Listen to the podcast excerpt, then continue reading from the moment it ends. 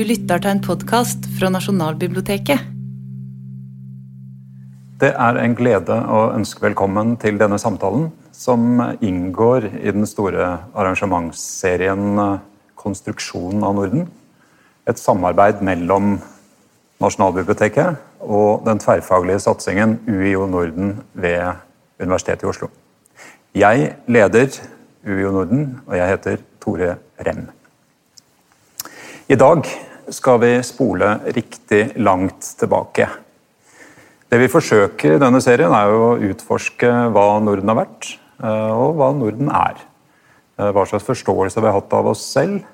Eh, hva betyr denne vidgjetne nordiske modellen? Og Når vi undersøker våre forestillinger om den såkalte nordiske modellen, så kommer gjerne spørsmål om kjønn, om kvinner og likestilling opp. I det første arrangementet i denne serien så gjorde Bergsvein Birgesson et poeng av at vikingtid og middelalder fremdeles var virksomme krefter i våre nordiske identitetsprosjekter. Og om noen ennå bruker et begrep som 'den nordiske kvinnen', så kan det vel hende at det gir assosiasjoner til staute vikingkvinner, til noe kraftfullt og wagnersk, eller kan hende til den stolte og mektige husfruen. Den kvinnelige vikingen som har full kontroll på alt innendørs. Men her vil jeg tro at det i populærkulturen finnes flere også motstridende fortellinger om hvordan kvinner i Norden i vikingtida faktisk levde sine liv og utøvde sine roller. Og For å nærme oss hva vi faktisk vet om kvinneroller i vikingtida, så har jeg vært så heldig å få med meg Unn Pedersen, førsteamanuensis i arkeologi ved Universitetet i Oslo. For å nærme oss hva vi faktisk vet om kvinneroller i vikingtida, så har jeg vært så heldig å få med meg Unn Pedersen, førsteamanuensis i arkeologi ved Universitetet i Oslo. Velkommen. Takk. Ok, La oss først forsøke å etablere om det finnes noe Norden i vikingtida. Er det mulig å si noe om det? Altså Om det finnes en felles kultur i det nordiske området? Det er vel svaret på mange måter ja og nei. Eh, det som jo kjennetegner vikingtiden, er jo i stor grad det regionale. At man har en lokal og regional tilknytning. Men samtidig så er det jo eh, åpenbart at det fins sterk samhandling. Særlig da innenfor Skandinavia. Eh, man har lignende drakt, man har lignende materiell kultur på mange måter. Man forstår hverandre. Man reiser mellom steder. Og ikke minst reiser man ut og treffer hverandre andre steder i Nord-Europa og ellers i verden. Så, så, den voldsomme reisevirksomheten var noe som kunne bidra til å, å, bekrefte en felles identitet på et eller annet vis? Det ser absolutt sånn ut, ja. Jeg lurer på om vi kanskje først skulle snakke litt om hva slags kilder vi har til denne perioden.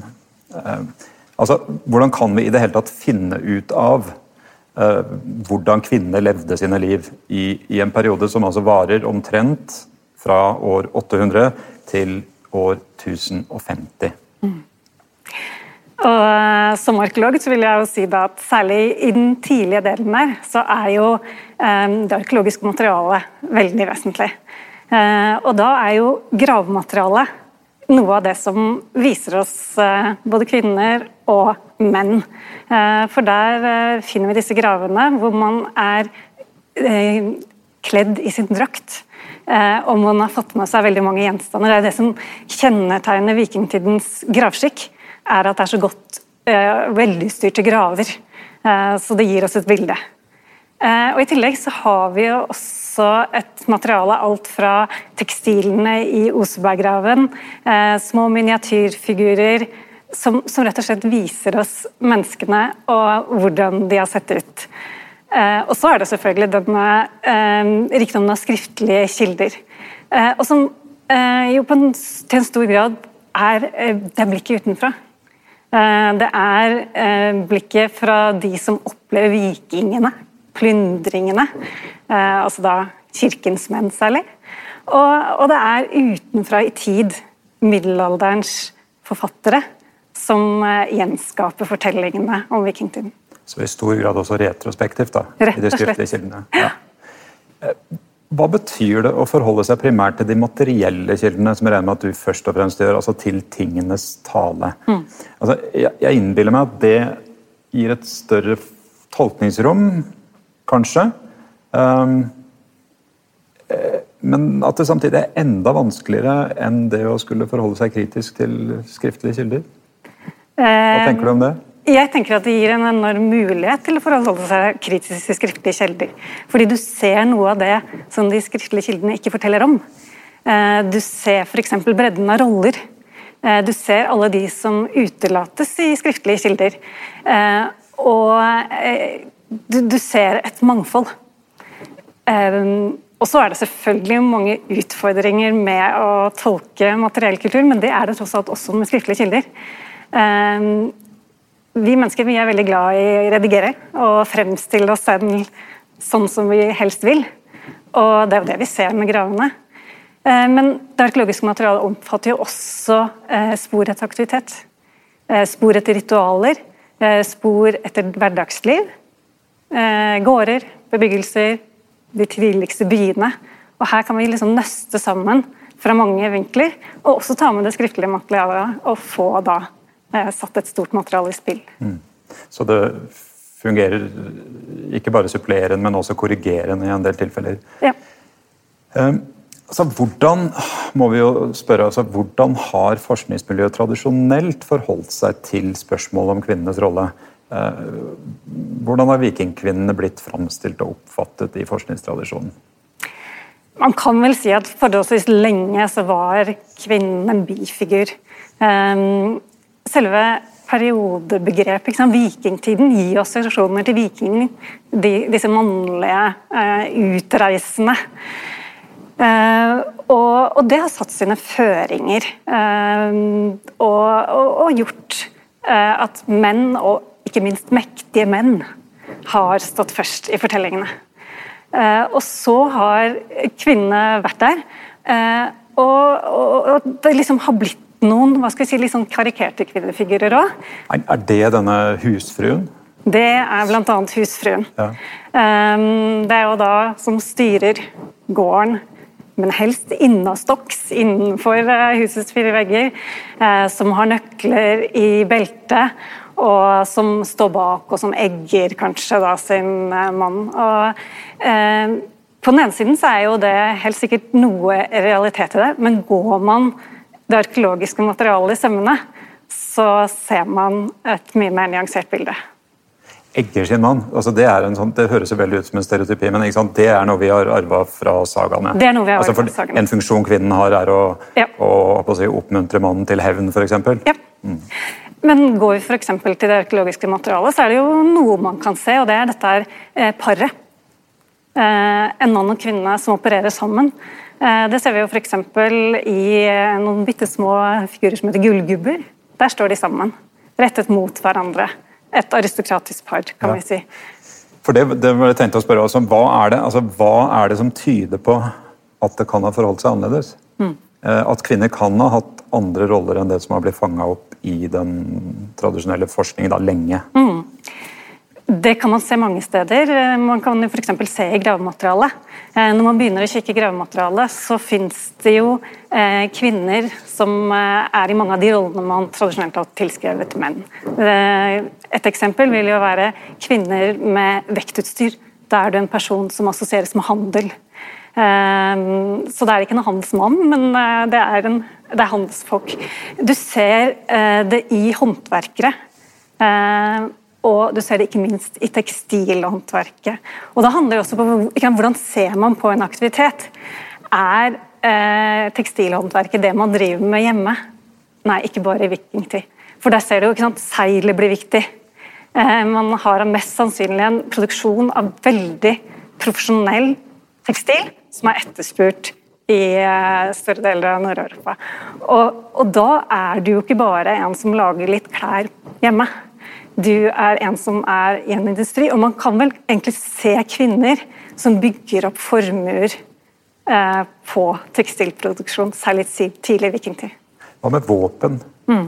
Er det, det, er det, noe man assosierer med kvinner? den tiden? Nei, det er det ikke. Og det har jo vært vanlig å si eh, våpen og menn. Og ser du på gravematerialet som en helhet, så er det helt klart. Eh, mens eh, ja, at våpen det fins hovedsakelig da i mannsgraver. Men det vi har sett i det siste, er at det er hovedsakelig. Eh, det fins kvinnegraver med våpen. Og det kanskje mest morsomme tilfellet, syns jeg, er en grav fra Birka, eh, vikingtidsbyen ved Mælaren, like ved Stockholm. Eh, der er en grav. Man har veldig lenge sagt dette er jo en kriger. En kriger av rang, fordi han har jo da et fullt våpensett. Eh, der er skjelettet bevart. Det er det ikke i alle graver fra vikingtiden. Eh, men allikevel man sagt mann, til tross for at noen beineksperter var litt sånn men Er ikke dette noe som kan ligne på en kvinne? Eh, så ble det foreslått igjen nå, noen år tilbake, og så foretok man en DNA-analyse. Og nå kan man si dette er jo en kvinne. Og Det som kanskje har vært mest overraskende for noen av oss forskere i dag, har vært at den omtolkningen den møtte ganske stor motstand i forskningsmiljøene blant noen. Som tidligere har vært de som har vært veldig raske med å si har du gjenstander, så kan du si noe om personens aktivitet. Mens nå, når man plutselig fant et, en kvinne med våpen, så var det sånn å, men det er ikke sikkert hun er en kriger. Så det betyr altså at det, det ser ut til at i hvert fall til en viss grad var mulig for kvinner også å ha makt? Absolutt mulig for kvinner å ha makt. Og det som jeg tror virkelig illustrerer det, det er jo et uh, gravfunn som de fleste av oss her i Norge kjenner veldig godt. Det er Oseberggraven. Eh, Oseberg, eh, for det første så overrasket det jo litt forskerne når det viste at den storslåtte graven hadde ikke bare én kvinne, men to kvinner, der også skjelettene bevart. Men allikevel så opp gjennom hele forskningshistorien så har de aller fleste arkeologer, historikere og andre vikingtidsforskere vært veldig forsiktige med å si dette er en politisk figur. Eh, det har i noen tilfeller vært snakket om makt, men da blir det religiøs makt. Men å si at dette... Ja, For da er det denne rollen med seiding, altså trolldomskunstner. Ja, det, det, var reservert for kvinner, tyder det på? Eller i hvert fall kvinner sto sterkt ja. i det. Mm. Eh, så, så, så, der ble det sånn mellom graver som var påfallende like, sånn som Gokstad og Oseberg, så kommer det to veldig forskjellige tolkninger som kanskje viser noen av de underliggende eh, tolkningspremissene som har vært satt for vikingtidsforskningen. Hvordan eh, skiller manns- og kvinnegraver seg fra hverandre? Mm. Er, det, er, det, mulig å si noe om det? Eller har du noen eksempler på det? Regner med at Oseberg-skipet går inn i, i den eksempelsamlingen?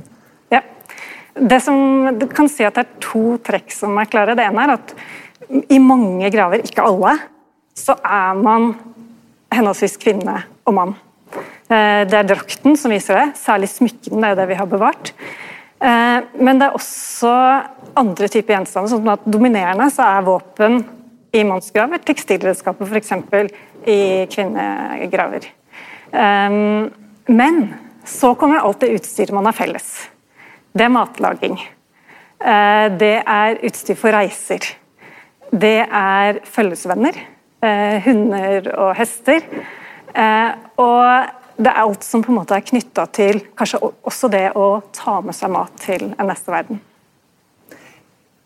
Dette, altså, da, da, har vi altså åpna opp dette, disse kjønnsrollene litt, i hvert fall. Men er det, er det mulig å si noe om hvordan rang og funksjon, eh, hva det betydde? Altså, mm. Går det an å si at det var like viktig som kjønn? da? Eller viktigere? Kanskje viktigere. Ja. Eh, og jeg tror det er ganske rimelig å si at eh, en elitekvinne og en elitemann hadde mer til felles enn en elitekvinne og en trellkvinne, f.eks. Eh, så det er, eh, det er, veldig klart. Og, eh, og kanskje det som, som, ligger under her, sånn, er også noe som Um, nei, da, da stoppa jeg, mm. for jeg går videre på det sporet vi hadde. Um, ja, trellkvinne. Mm. Uh, og uh, det er kanskje det som man også har åpna veldig opp i de siste årenes forskning å se mer uh, det mangfoldet. Og på en måte skrive inn en historie hvor alle sjikt i samfunnet er representert. Og Det har jo veldig mye å si for hvordan man forstår eh, mens liv i vikingtid også. Eh, og Vi har jo fått også nytt kildemateriale. Vi har fått eh, eller ny forståelse av kildematerialet. kildemateriale. At vi har da disse byene, de første byene som kommer på 800-tallet.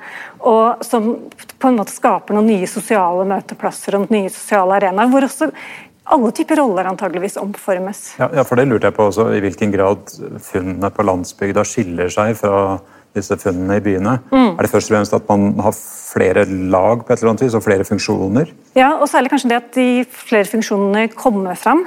Eh, og kanskje særlig det at vi, vi har jo f.eks. et stort avfallsmateriale etter håndverksproduksjon som gjør at vi ser at noe av det vi har i gravene, sånn som smykker, det er et utvalg.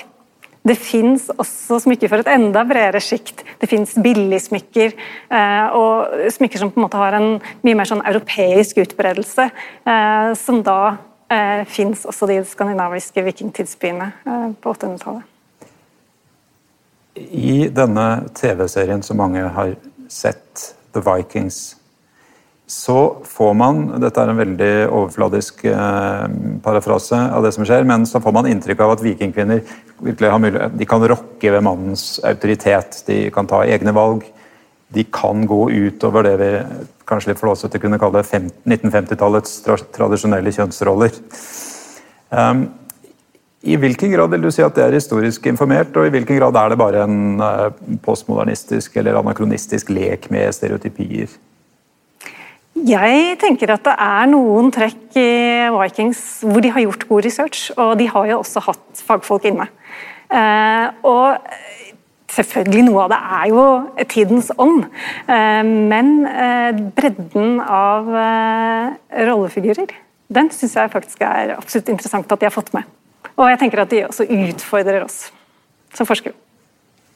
Så en sånn åpenbar konklusjon uh, fra det man har funnet ut i, i senere år, er at, at disse uh, kjønnskategoriene ikke var så rigide som man lenge tenkte. Jeg lurer på sånn Avslutningsvis bare et mer teoretisk, metodologisk spørsmål. Altså, I vår tid så så har vi åpenbart nye og til dels revolusjonerende ideer om kjønn, om flytende kjønn og, og mindre faste eh, kjønnskategorier og roller. Ser du faren for at man projiserer dette her tilbake på denne ganske så fjerne fortida? Um, eller ser du det først og fremst som produktivt? At, at det gir anledning til å stille nye spørsmål? Jeg er nok på det siste at det er produktivt, fordi jeg tenker det er en styrke at vi ser, alltid ser fortiden eh, med våre tidsblikk. Og nå er det Vikingtidsforskningen vært preget av de andres eh, blikk, de som på en måte levde i et eh, mannsdominert samfunn på 1800-tallet f.eks. Og det at vi nå eh, ser helt annerledes på hva kjønn er, hva identitet er, Ehm, hva som gjør deg sterk, hva som gjør deg svak. Eh, og det mulige spillet som kan være i å ha flere ulike identiteter som du bruker til ulike tider, det tror jeg er en styrke for forskningen vår. Tusen takk. Takk skal du ha.